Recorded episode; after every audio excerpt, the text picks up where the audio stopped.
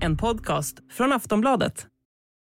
Eh, ännu en gång för nytillkomna tittare kan vi alltså berätta att åtminstone tre personer eh, ska ha gripits efter en eh, polisinsats och eh, det som ögonvittnen beskriver som en dramatisk eh, polisjakt i centrala Stockholm.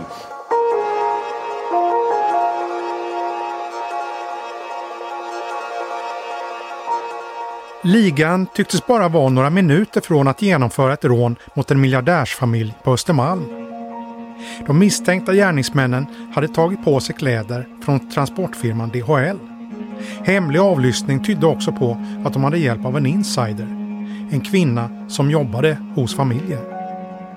Åtta personer åtalas nu för inblandning i ett upplägg där målet anges vara att komma över exklusiva väskor, smycken och klockor för miljontals kronor. Hur gick polisens hemliga spaningar till? Hur ser utvecklingen ut när det gäller rån i bostäder? Vem behöver vara orolig och hur går det att skydda sig? Det ska vi titta närmare på i det här avsnittet av Aftonbladet Krim.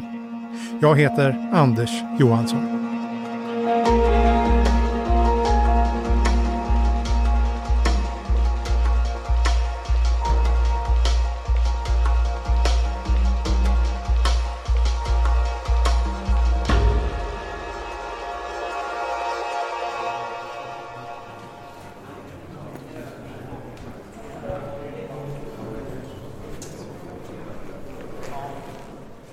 Vi är utanför sal 37.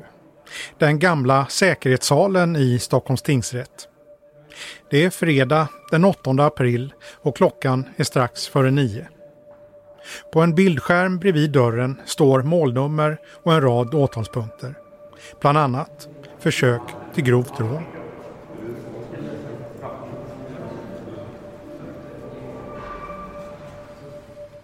Utanför salen har det samlats en stor grupp människor, omkring 20 personer.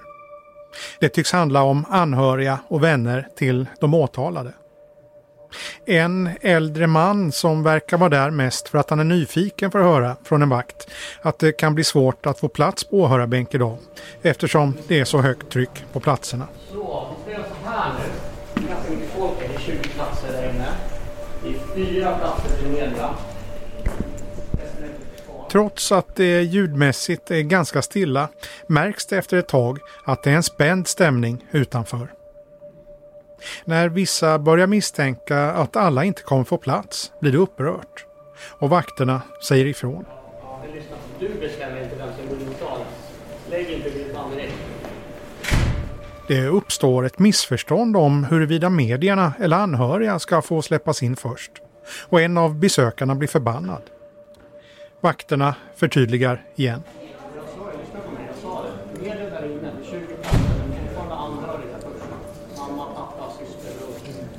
Lite senare är det tjafsigt igen. Den här gången mellan några av besökarna som verkar ha något otalt med varandra.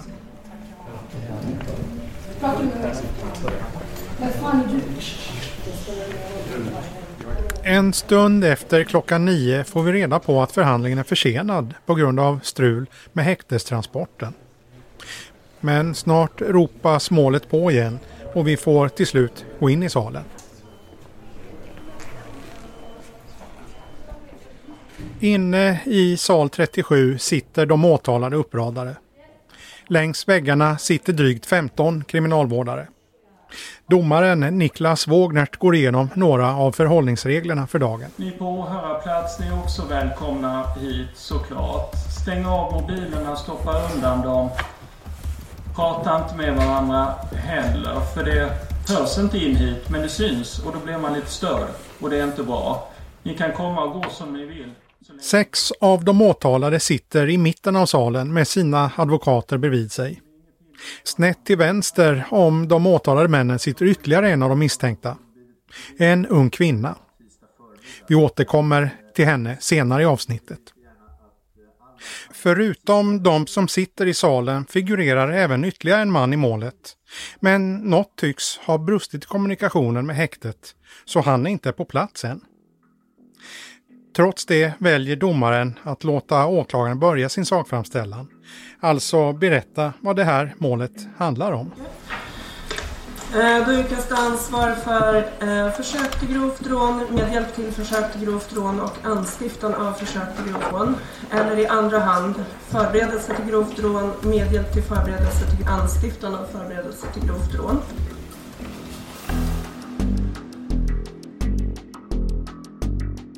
Det här målet kretsar kring en ambitiös men misslyckad kupp. Ett ärende där polisen följer de misstänkta förövarnas planer i realtid.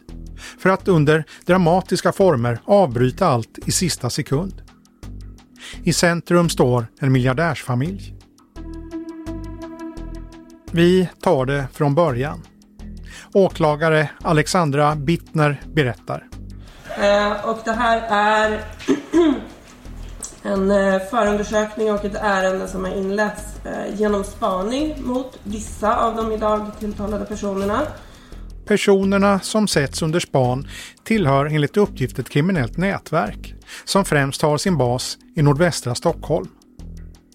Polisen beskriver att gänget tidigare varit involverat i flera skjutningar, grova vapenbrott och grova rån. Under hösten 2021 släpps en av ledarfigurerna i gänget efter att ha suttit av ett fängelsestraff. Kort senare får polisen nys om att det är något i görningen. Eh, och under den här spaningen och genom det som har framkommit i de här hemliga tvångsmedlen så har det visat sig att eh, det har funnits ganska konkreta planer på att genomföra vad jag påstår är ett grovt rån. Genom spaningen ska polisen steg för steg få en allt tydligare bild av vad gänget misstänks planera. Spaningen sker genom flera led. Dels genom hemlig avlyssning av några av de inblandades telefoner. Men framförallt genom att polisen rent fysiskt bevakar gänget och spelar in ett antal möten när några av huvudfigurerna ses ute i offentliga miljöer för att diskutera rånplanerna. Det första mötet sker i slutet av oktober 2021. Åklagare Alexandra Bittner. Eh, och den första filmen som jag ska visa är från ett möte på Roslagstullsbacken och det är eh, det första planeringsmötet påstår jag. Där man börjar prata om det här upplägget. Eh, och vi ska se, jag måste... Filmen från mötet är inspelad på avstånd. Löven har gulnat, det syns att det är höst. På skärmen ses ett flertal personer som står och pratar.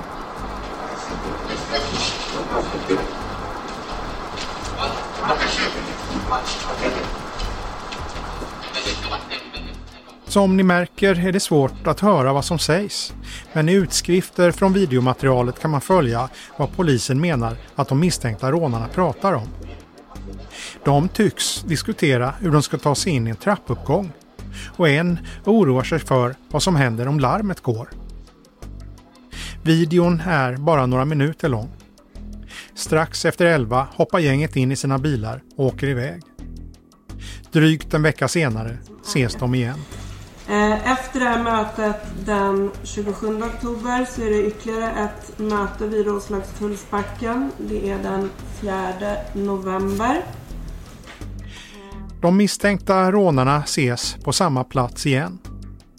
Enligt åklagaren tycks det vara lite oroligt i gruppen när de ses den här gången. Eh, och under de här eh, minuterna som vi kommer höra så påstår jag att det pratas om, man har fått kännedom om att det verkar som att några andra eventuellt ska genomföra deras brottsplan. Man pratar om det och det framkommer då vissa detaljer kring den här planen som man har. Och i slutet så påstår jag också att vi pratar om att deras kläder är klara och det har betydelse på sätt som jag kommer redogöra för eh, lite senare. Videoklippet visar upp en scen som är snarlik den från det första mötet.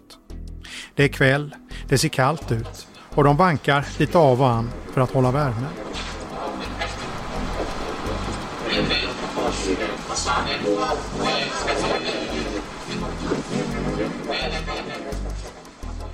I utskriften från mötet framgår hur de misstänkta männen oroar sig för att någon annan ska genomföra samma plan som de själva.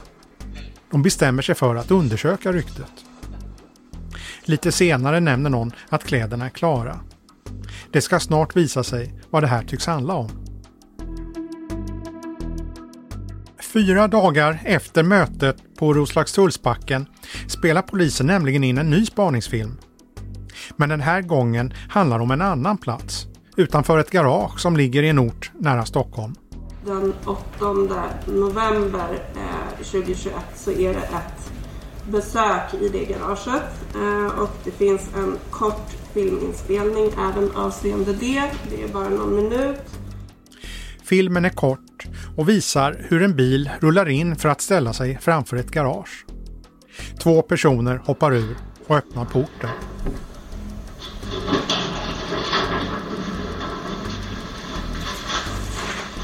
I filmen tycks de lasta ur något från bilen och in i garaget. En av de två räknar upp vad de lastar in. En jacka, en jacka till, en tröja och en väst. Kort senare stängs porten. Dagen efter gör polisen en hemlig husrannsakan i garaget och hittar kepsar, jackor och andra kläder märkta med transportföretaget DHLs logga. Varför det här spelar roll ska visa sig senare. Poliserna dokumenterar allt och lämnar garaget utan att ta med sig något därifrån och fortsätter spaningen. Under dagarna som följer tycks aktiviteten i gänget intensifieras. Den 10 november åker flera av de tilltalande till Jula. De fångas på övervakningskamerorna när de gör ett inköp i varuhuset. Eh, och man köper fyra stycken byxor. Eh, och det framgår av det kvittot som finns och av promemorian på sidan 52 eh, så framgår det att det är fyra par arbetsbyxor av Julas egna märke. Dagen efter, den 11 november, fångas de på film när de besöker garaget igen. De lastar även den här gången in saker och åker sedan därifrån. Den 12 november gör polisen en ny husrannsakan och hittar saker som inte var där förra gången. Man hittar bland annat en flyttkartong och det pratas också på de här mötena om att man ska använda sig av flyttkartong så jag menar att det har betydelse. Den 13 november fångas flera av de åtalade på film igen när de har ännu ett möte vid Roslagstullsbacken. Scenen är densamma som tidigare. De röker sig och det ser kallt ut. Någon går runt för att hålla värmen. En annan sparkar i gruset. I bakgrunden syns hur en person är ute på en kvällspromenad med hunden.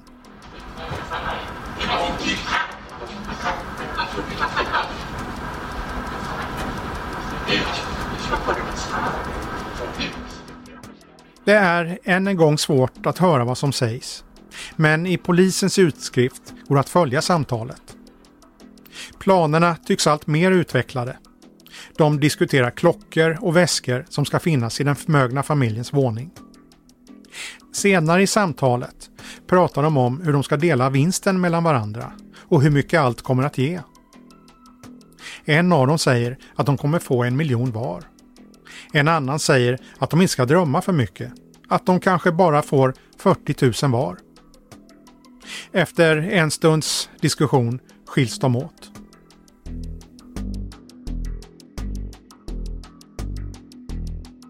Det sker ytterligare aktiviteter under de följande dagarna som åklagaren menar har med målet att göra. Till slut är vi framme vid den 19 november. Bitarna är på plats och veckor av planering är över. Eh, och sen den 19 november så sätts den här planen i verket. Enligt åklagaren innehåller planen flera olika delar. Eh, den har bestått i att ett antal personer ska ta sig in i lägenheten. Man ska ha viss förklädnad för att kunna genomföra det här. Utanför ska en person vara redo för att sköta transporten. De som går in i lägenheten har förberett sig på att familjen ska vara hemma. Det pratas om hur man ska behandla målsäganden under de här mötena med målsägandena. De har bland annat med sig silvertejp för att kunna binda fast familjens medlemmar under rånet. När rånet är över ska de fly med bytet i bilen som står utanför. Eh, ytterligare en person ska sitta i en bil en liten bit bort på Östermalm och vänta för att ta emot gods och hjälpa till med transport. Och sen ska ytterligare en annan person vänta ännu lite längre bort men i Stockholmsområdet eh, med en annan bil och också bistå med viss transport. Redan tidigt på morgonen den 19 november ser polisen att planen satts i verket. På en adress i Stockholmsområdet har flera av de misstänkta samlats. Vid sjutiden kommer de ut genom ytterdörren. Tre av de misstänkta har DHL-kläder på sig. Man har god kontroll på de misstänkta under natten och morgonen. Eh, man gör också iakttagelser under morgonen där man bland annat falskskyltar en bil som så småningom används. Bilen åker mot de centrala delarna av Stockholm. Men de anar att något är fel. De upptäcker att polis befinner sig på platsen påstår jag. Vi kommer höra poliser som var på platsen kring det. Eh, och man försöker då fly. Det blir en kort biljakt. Men den här BMWn eh, stoppas ganska kort därefter och fyra personer grips eh, i den bilen. Bilderna på gripandet kablas snart ut i alla Sveriges medier. En kaosartad scen med en prejad bil, flera polisbilar på plats och fyra män som ligger handklovade på marken.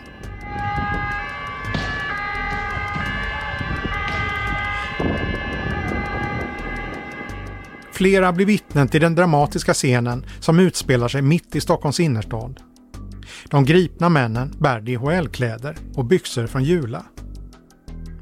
Kort senare görs fler gripanden.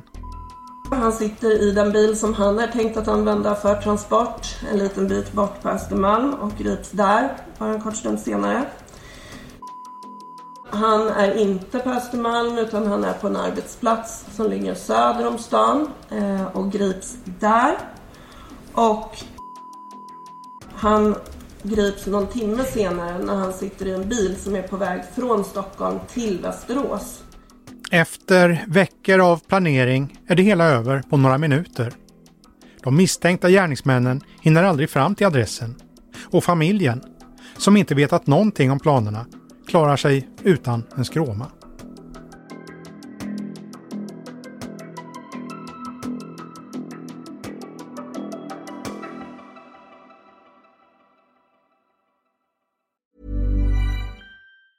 When you're ready to pop the question, the last thing you want to do is second guess the ring. At Bluenile.com, you can design a one of a kind ring with the ease and convenience of shopping online. Choose your diamond and setting. When you find the one, you'll get it delivered right to your door. Go to Bluenile.com and use promo code LISTEN to get $50 off your purchase of $500 or more. That's code LISTEN at Bluenile.com for $50 off your purchase.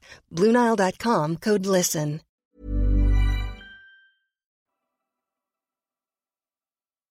Fyra av dem som nu står åtalade grips alltså efter polisjakten i centrala Stockholm. Tre andra män tas på andra platser men tros vara inblandade i planerna. De gripna har olika bakgrunder. En som är utpekad som ledarfigur förekommer över tio gånger i belastningsregistret. Han har dömts till fängelse ett antal gånger tidigare. Senast frigavs han villkorligt under hösten 2021 efter att ha dömts för bland annat grovt vapenbrott. Han hade då åkt fast efter att ha våldtat i en bil. I den hittade polisen en Kalashnikov och två pistoler samt en mängd ammunition.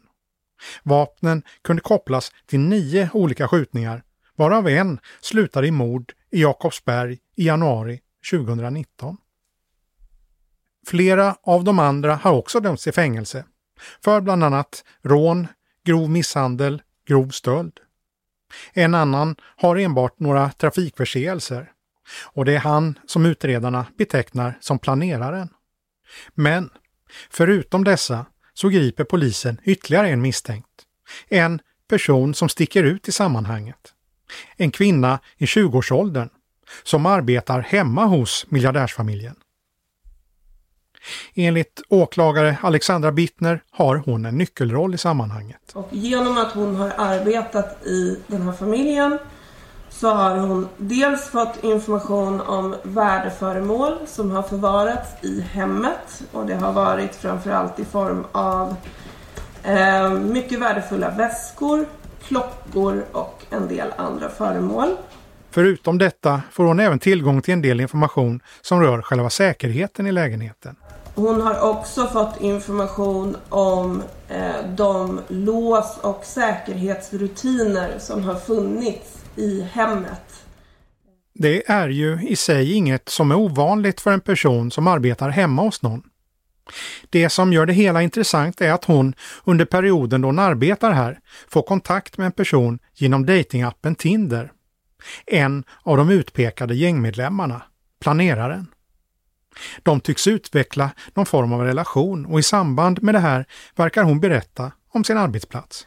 Men till har hon förmedlat den här informationen som hon har fått genom sin, sin anställning i familjen.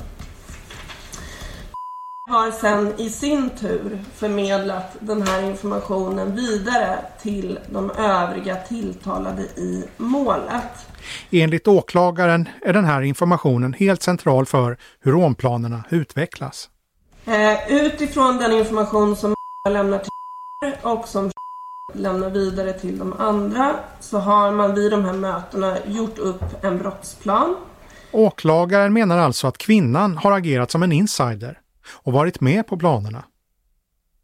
Enligt hennes advokat så medger kvinnan att hon läckt information men säger att det hela handlar om en stöld och inte ett rån. Att ingen skulle komma till skada. Trots det så nekar hon till anklagelserna eftersom de avser grovt rån och inte stöld. I förundersökningen går det också att läsa hur de andra åtalade ser på henne. I en diskussion som rör vilken ersättning alla ska få säger en av de åtalade, den person som träffat henne genom Tinder, att de lika gärna skulle kunna blåsa henne på hennes andel.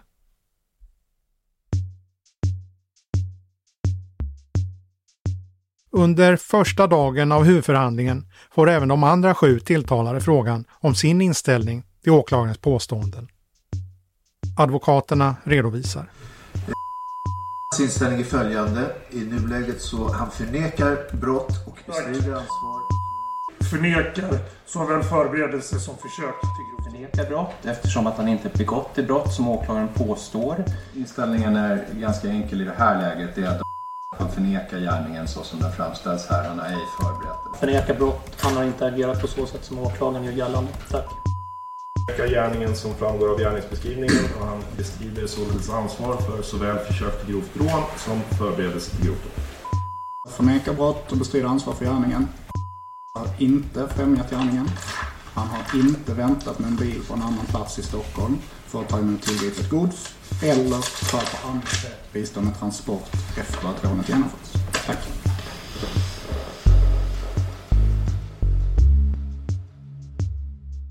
När vi spelar in det här är det oklart hur det kommer gå i målet. Vi vet inte om det kommer bli några fällande domar och de åtalade ska därför betraktas som oskyldiga. När åtal väcktes var hustrun i familjen kallad som vittne, men det drogs tillbaka. När vi är i kontakt med familjens målsägande beträde låter han hälsa att de inte har några kommentarer i ärendet. Oavsett hur det går rättsligt står det klart att det här fallet bara var ett av flera uppmärksammade ärenden under 2021 där just rån i hemmet står i fokus.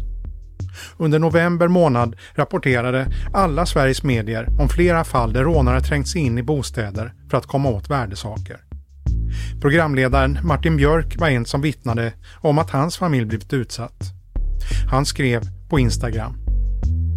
Snabbt och enkelt för dem, men så djupt tragiskt för oss som familj. Min son på två och ett halvt år var närvarande under hela förloppet och jag vågar inte ens tänka på vad som hade hänt om han eller någon annan i min familj hade blivit skadade. Vi mår under omständigheterna bra, men traumat kommer för alltid leva i våra själar. Var rädda om er. I det fallet handlar det om fyra beväpnade män med pistol som var ute efter en klocka som de tycktes veta att han hade. Ett tillvägagångssätt som kunde kännas igen från andra fall som skett under hösten. Händelserna ledde till en mängd reaktioner. Moderaterna till exempel förklarar att de ville skärpa straffen för rån i hemmet. Det skrevs en hel rad ledartexter på ämnet och polisen gick ut och varnade för just klockrån och rån mot privatpersoner i hemmet. Men vad säger egentligen statistiken? Ser vi en trend med grova rån i hemmiljö eller handlar det om ett fåtal fall som fått mycket uppmärksamhet? Sven Granat, kriminolog vid polisen i Stockholm, uppger att det inte finns någon särskild brottskod för just rån i bostad och därmed inte heller någon tydlig statistik för just sådana rån. Det närmaste vi kommer rån i hemmet är siffrorna för rån inomhus. Hur ser då den utvecklingen ut? Det man kan se här va, när det gäller rån i hemmet Eh, det är att de verkar ligga på en ganska konstant nivå de senaste 10-15 åren till antalet. Vi pratar alltså faktiskt om närmare tusen fall per år i hela landet och det kan låta väldigt mycket. Eh, så det man kan se däremot det är att de, de rånen då som sker inomhus med skjutvapen, de har blivit fler. Eh, de är inte jättemånga till antalet men där kan vi se en ökning framförallt då egentligen mellan kanske 2007 och 2017. Sen ligger de kvar där på en hög nivå. Och det här följer då egentligen utvecklingen för annat grovt våld där vi ser att just under den här perioden så har skjutvapeninslagen ökat, det vill säga man använder skjutvapen i högre omfattning. Även om det kanske inte är fler som begår brotten. Det har ju skett en rad klockrån den senaste tiden. Vad vet ni om dem? Ja, man vet ju att klockor, dyra klockor, eh, har en speciell attraktionskraft. Eh, det är nämligen så att det här de är ganska lätt att omsätta till eh, andra värden. Det är lätt att omsätta dem till pengar. Det finns att säga en form av valuta i just dyra klockor. De är också små, eh, relativt små men de betingar ett högt värde vilket gör att de är väldigt lämpliga som just rånobjekt. De är lämpliga som stöldobjekt också. Eh, och det handlas en hel del med de här i den kriminella världen. Eh, så det är inte förvånande egentligen att det här är ett objekt som man går på när det gäller sådana här så kallade storbytesrån. Finns det någon gemensam nämnare vad gäller hur förövarna går tillväga? Ja, när det gäller så här som man kan, kan kalla för storbytesrån, va, där det gäller att eh, få med sig eh, någonting av väldigt stort värde vid ett och samma tillfälle. Det kan vara klockor, det kan vara kontanter, det kan vara smycken. Eh, så, gör, så är det uppenbart att rånarna, som är flera stycken, ofta gör en hel del research innan. Eh, man utser liksom ett objekt som kan vara lämpligt. Va. Sen så planerar man utifrån ett bra tillfälle att slå till helt enkelt och försöker eh, spana lite och skaffa sig information om när det kan vara ett riktigt bra tillfälle. Eh, sen har man också en plan för hur man sen ska komma från platsen, hur man ska ta sig dit. Men det är uppenbart att det här är liksom ett projekt helt enkelt som lite kanske liknar då ett tidigare bankrån som var vanligt på 90-talet eller värdetransportrån också. Just det. Vilka är det som begår de här brotten? Ja, det är personer som har varit med i den kriminella karriären ganska många år ofta. Va? De kan ofta vara i alltså 25-30 års åldern. Eh, om man har en erfarenhet av eh, en mängd andra allvarliga brott helt enkelt. Om man har en livsstil där man eh, försörjer sig och får in ganska mycket pengar på brott. Eh, ofta kan man nog ha ägnat sig åt så kallade smash and grab-kupper också, va? det vill säga eh, ganska stor, dramatiska stölder där man får med sig mycket värden. Eh, jag skulle säga att det är inte kanske de tunga missbrukarna heller för det här kräver ganska mycket planering, det kräver samarbete och det kräver faktiskt i någon mening också att du kan gå in med lite resurser i brottet för att du måste kanske spana, du måste kanske ibland till och med köpa lite information också, va? du måste skaffa vapen. Eh, så det här är personer som har man får säga så, en viss snurr på sin kriminella karriär och har också ett nätverk av andra kriminella. Det behöver inte vara jättestort som man litar på ganska mycket som man är van att samarbeta med. Så lägger man upp det här som ett projekt helt enkelt. Just det. Och, och vilka riktar sig brotten mot? Om vi pratar de här äh, rånen i hemmet där man försöker få med sig någonting väldigt värdefullt så Ja, det riktar sig ju eh, dels mot kanske personer som man av någon anledning vet har väldigt eh, dyra saker eh, som, man har, som man har sett. Då. Eh, och då kan det vara privatpersoner just med, klo med klockor och så som man som känner till. Eh, det kan också vara personer som av någon anledning utifrån sitt yrke till exempel förvarar mycket pengar, mycket kontanter eller andra dyra saker hemma. Det kan vara vissa alltså, yrkeskategorier som guldsmeder, juvelerare och så där, där, kan, där man antar att det kan finnas mycket eh, kontanter. Eh, och eh, det här innebär ju också att de här rånen riktar sig liksom inte mot en eh, vanlig tonåring ute på något förortstorg. Utan det här kan vara förmögna personer inne i stan som drabbas av det här. Tänker.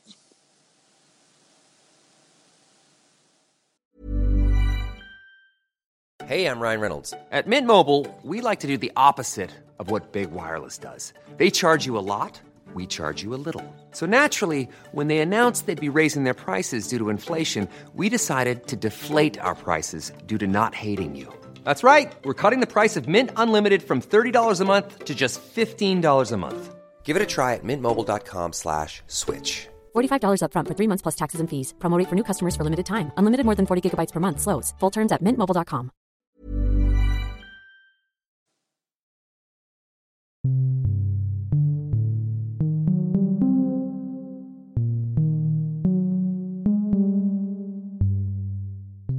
Polisen har flera gånger gått ut och varnat för olika metoder som förövarna använder sig av.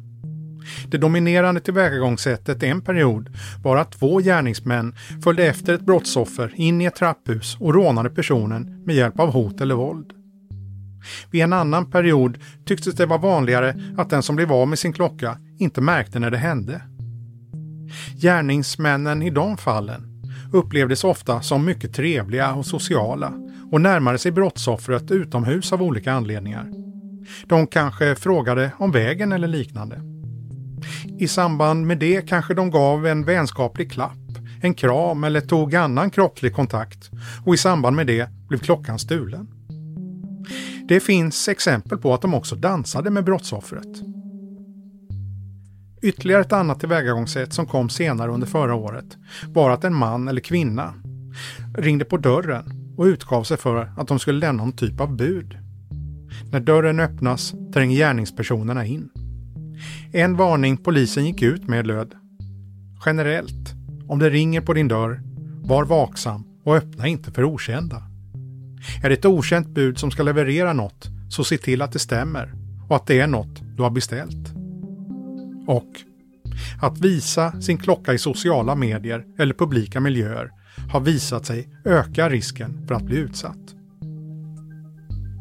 Klockorna som blev byte vid de anmälda rånen 2021 har varit värda från 100 000 till över en miljon kronor. Kriminologen Sven Granat ser flera förklaringar till att rånare riktar sig mot privatpersoner. Ja, eh, vi har ju alltid haft eh, varje år kan man säga ett antal eh, storbytesrån av olika karaktär. Eh, det här förändras samtidigt över tid utifrån de förutsättningar som finns att göra de här lånen. Eh, på 80-90-talet så fanns det möjlighet till bankrån och postrån som gav väldigt, väldigt stora byten i form av kontanter som man sen lätt kunde använda. Eh, sen skärpte man säkerheten där eh, och man riktade då sig värdetransporterna och sen värdedepåerna också. Eh, nu har man skärpt säkerheten där också eh, och då är det det som kvarstår är då privatpersoner som har stora värden på sig helt enkelt. Eh, så det här är helt enkelt liksom en, kan man säga, en anpassning till, till hur man kan komma åt de här stora bytena. Sven Granat menar att det finns flera förebyggande saker som kan göras för att de här brotten inte ska ske. Dels handlar det såklart om för, för, för den som har värdet att vara eh, om sig och kring sig. Eh, med det. Kanske inte exponera det här allt för mycket och se till att kanske ha, ha de här sakerna på en, på en skyddad plats helt enkelt. Eh, sen handlar det ju också om såklart en polisiärt arbete att kartlägga dem och nätverk och de personer som står i begrepp att utföra de här rånen för de är inte jättemånga heller och det här är en ganska säga, exklusiv skara brottslingar som också håller på med många andra brott. Så om man från polisens horisont kan eh, utreda och lagföra mycket annan allvarlig brottslighet så tror jag också att man på, på sikt kan komma åt de här brotten och förebygga dem. I det aktuella fallet på Östermalm är förövarna misstänkta för att ha en insider, som alltså också är åtalad. Och just det här med insider En person på insidan som hjälper kriminella är långt ifrån ett okänt fenomen. Det är väldigt vanligt i den här typen, egentligen av all, alla typer av storbytesrån. Även om vi pratar om tidigare bankrån, vi pratar värdetransportrånen också, att man behöver ha någon som ger en information, ger en tips om eh, vilka objekt man kan slå till på och vad det här, de här personerna, den transporten då har för rutiner. Va? Eh, och det är ofta, väldigt ofta så att man får tips om att här, här finns det mycket att hämta. Va? Och man kanske till och med kan ha en insider som väldigt mycket hjälper en i genomförandet av brotten. Va? Tipsar när personen är hemma, kanske tipsar om en portkod. Va? I andra fall har det gått till så det kan ha varit personer som sagt som har utfört ett arbete i hemmet och observerat saker. Va? Så att här finns det mycket värden och det finns förvarat där och där. De brukar vara hemma de och de tidpunkterna.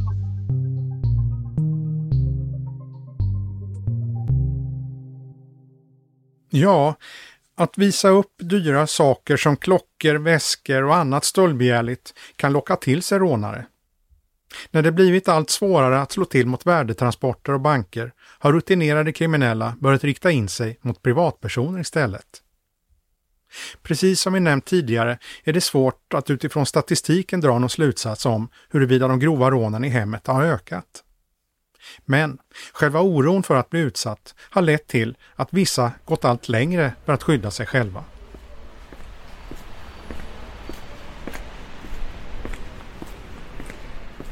Vi är vid en mindre och diskret affärslokal i Vasastan i Stockholm. Det är en torsdag eftermiddag och det småregnar. Utsidan av lokalen skvallrar inte så mycket om vilken bransch det handlar om. Men den person vi är här för att träffa är ett välbekant namn för en speciell kundkrets. Ja, hej, det är jag som Anders. Hej Anders. Ja. Ja, nu får man göra så här. Nu får man göra så igen. Det känns lite ovanligt men det är okej. Personen vi pratar med heter Jens Petersen. Han hjälper människor som har en hotbild emot sig. Just den här lokalen är också showroom för säkerhetsdörrar. Och här finns även en extra säkerhet som vaktar kontoret. En svart, ettårig dobermann som skäller för fullt när vi går in. Det är, det är en låtsasdobbis. Han, han har inte förstått att han är stor och farlig dobermann. Eh, Jo, det är en dobbis. Men normalt sett så är folk. Vi är här för att prata om en tydlig trend som utvecklats de senaste åren. Innan vi sätter oss går vi en runda för att få en bild av vad Jens arbetar med. Han visar bland annat upp en rad dörrar som utifrån sett ser ut som vilka dörrar som helst. En, en träpanel som är uppåt 20 mm, alltså 2 cm tjock. Eh, och det sitter monterat på en stålstomme. Och sen så har man då också ett, ett eh, ganska avancerat låssystem. Ja, jag ser Som- för nu påminner det ju faktiskt om en... Kassaskåp. Exakt, ja. Ja. Som på bankerna Ja, nästan. eller fängelse, fängelse. Till det yttre ser det alltså ut som en vanlig dörr av trä. I själva verket är det entrén till ett panic room. Ett ställe där man kan sitta skyddad vid brottsligt angrepp tills hjälp anländer. Jens Petersen är alltså säkerhetsexpert och specialist på panic rooms, säkra rum. Och han utvecklar grundtanken bakom. Panic room använder man när det är panik, när man märker något, något hot eller förmodat hot. Eh, så att jag skulle säga att panic room är ett starkt rum, ofta i en persons bostad, lägenhet eller villa. Där man kan krypa in, låsa dörren om sig och ringa efter eh, det säkerhetsföretag man eventuellt har anlitat eller polisen eller någonting sånt. Efter hjälp helt enkelt. Och ser man i en storstadsmiljö så ska väl ett sånt rum hålla någonstans 30 minuter för som jag nämnde förut, det ska inte ta längre tid för polisen att komma på ett, på ett allvarligt larm om man bor i en innerstadsmiljö. Ett panic room, vad, vad, vad kostar det? Det, det är ungefär som att fråga hur snett kan du hoppa? Eller hur långt är ett snöre? Jag skulle säga så här. Om man ska ha ett panic room i en sekelskifteslägenhet någonstans då får man utgå ifrån att lägenheten i sådana hus, eh, är ofta bygg, väggarna är ofta byggda utav sten och oftast ganska tjocka. Eh, så då kan man säga så här att man skaffar en säker dörr från trapphuset och in i lägenheten så har man i princip ett, ett panic room eller panic-lägenhet kan vi kalla det i, i det fallet. Eh, men i villor anser experten att en säkerhetsdörr inte fyller någon större funktion eftersom det går att såga upp väggar eller komma in genom fönster. När man bygger ett panic room i en villa så brukar man sätta ett lätt skalskydd på utsidan. Och det kan vara att man sätter en, en typ av plastfilm på insidan av fönsterglasen som gör att glasen måste bearbetas under en tid för att man ska kunna komma in där. Eh, man kan i det läget också sätta en säkerhetsdörr men då ska man också kolla källardörren och altandörren och sådana saker. För att ingen kedja är starkare än det svagaste länk normalt sett. Så man sätter ett... Hur ser då ett säkert rum ut? Oftast så bygger man det säkra rummet, eh, eller panic-rummet, i föräldrarnas sovrum. Så min första fråga till kunder som är ute efter någonting sånt är, har ni barn? Eh, hur gamla är de? Ja, är de sju, åtta, fem, sex år så är den naturliga instinkten att barnen, när nattlarmet går, någonting händer på natten, barnen blir rädda, då springer de in till föräldrarnas sovrum. Om de inte redan ligger där, vilket är ganska vanligt förekommande det också. Och då sparar man mycket tid för att utbilda barn i den åldern att ta er upp en våning eller ner en våning, gå, spring till den korridoren och in i det rummet. Det finns inget barn som kommer ihåg en sån sak utan de springer till föräldrarnas sovrum. Där sparar man otrolig tid genom att använda de så kallade ryggmärgsreflexerna. Föräldrarna behöver bara stänga dörren, låsa, påkalla hjälp. Det går med blixtens hastighet. Så, så, så försöker man tänka att, att korta korta tiden så mycket man kan på alla möjliga sätt man kan. Men Panic Room, om vi håller oss till det här nu. Vad, vad, vad säger de kunder som kontaktar dig? Eh, ofta så får jag kunder genom mina kontakter med olika säkerhetsföretag. Men jag har ju också blivit uppringd direkt utav olika personer och då brukar frågan vara eh, Jo, eh, har jag kommit till Jens Petersen? Ja, jo. Är det du som bygger säkra rum? Har jag kommit rätt då? Ja, tyvärr, det har du. Tyvärr? Ja, är du i den situationen att du behöver ett panic room, då är det väl bara att beklaga, men ja, det är jag. Men varför vill de bygga ett panic room? Vad, vad tänker de sig för konkreta händelser? Syftet är ju ofta att de förväntar sig en, en ökad hotbild på grund, kanske till exempel utav någon händelse i näringslivet. De, kommer, de har en styrelsepost nu, de kommer att eh, lämna styrelsen på grund utav någonting som kommer att hända. Det kan vara ett uppköp, det kan vara några sådana saker. Jag skulle säga att ofta är det företagsrelaterat och tittar man då på det jag sa förut att hotbilden ökar väldigt mycket om man plötsligt får en välfylld plånbok i och med att informationen är så fri i Sverige. Så kan man väl säga att de flesta förmögenheterna kommer via personernas arbete i fråga. Så att eh, jag, jag, skulle säga att de är rädda för att någonting ska hända. Det finns också sådana som säger att vi har goda vänner som har råkat illa ut. Eller min granne har råkat illa ut. Eh, alltså sådana här saker händer, men det man ska vara medveten om jag har ju blivit frågad ett antal gånger om en reporter eller journalist kan få komma hem till någon och titta på ett sånt panic room. Men då, då, måste vi ha i åtanke att det här är ofta människor som syns väldigt mycket i media. Både TV och tidningar. Och de har ju självklart en önskan att framträda på ett visst sätt lugna, trygga företagsledare. Skulle det komma fram att de här personerna har en hotbild över sig så faller ju hela fasaden.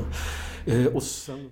Jens Petersen understryker att han inte är brottsforskare utan talar utifrån vad han mött i sitt arbete. Han menar sig ha sett förändringar i samhället som i sin tur lett till oro och ett nytt tänkande där intresset för säkerhetsdörrar och panic rooms ingår som en naturlig del. Så att vi, vi har ju sett en förändring, nu är inte jag kriminolog på något sätt, men jag tycker mig ha sett en ordentlig förändring i den brottslighet som föregår. Och då tittar jag inte på gäng, gängen som slåss mot varandra utan jag tittar när de ser ut offer som de kan tjäna pengar på. Stjäla pengar eh, ifrån. Eh, och därför har ju det här blivit mera reellt. Att folk blir rånade och sönderslagna i sina hem. Och jag tror att det är det som har ökat på viljan att ha en trygghet hemma. Eh, för att det här är inte en fantasi. Det här finns på riktigt.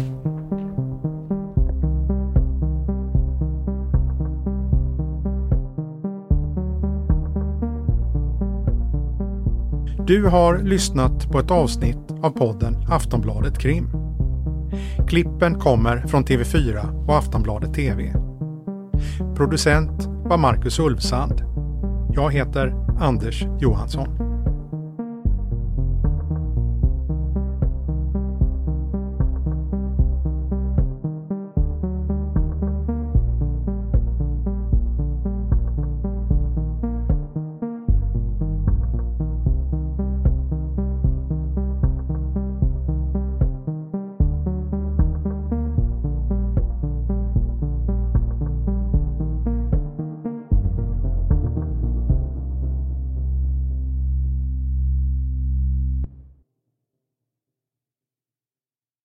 Du har lyssnat på en podcast från Aftonbladet. Ansvarig utgivare är Lena K Samuelsson. Tired of ads barging into your favorite news podcasts? Good news. Ad-free listening is available on Amazon Music for all the music plus top podcasts included with your Prime membership. Stay up to date on everything newsworthy by downloading the Amazon Music app for free or go to amazon.com slash news ad free. That's amazon.com slash news ad free to catch up on the latest episodes without the ads.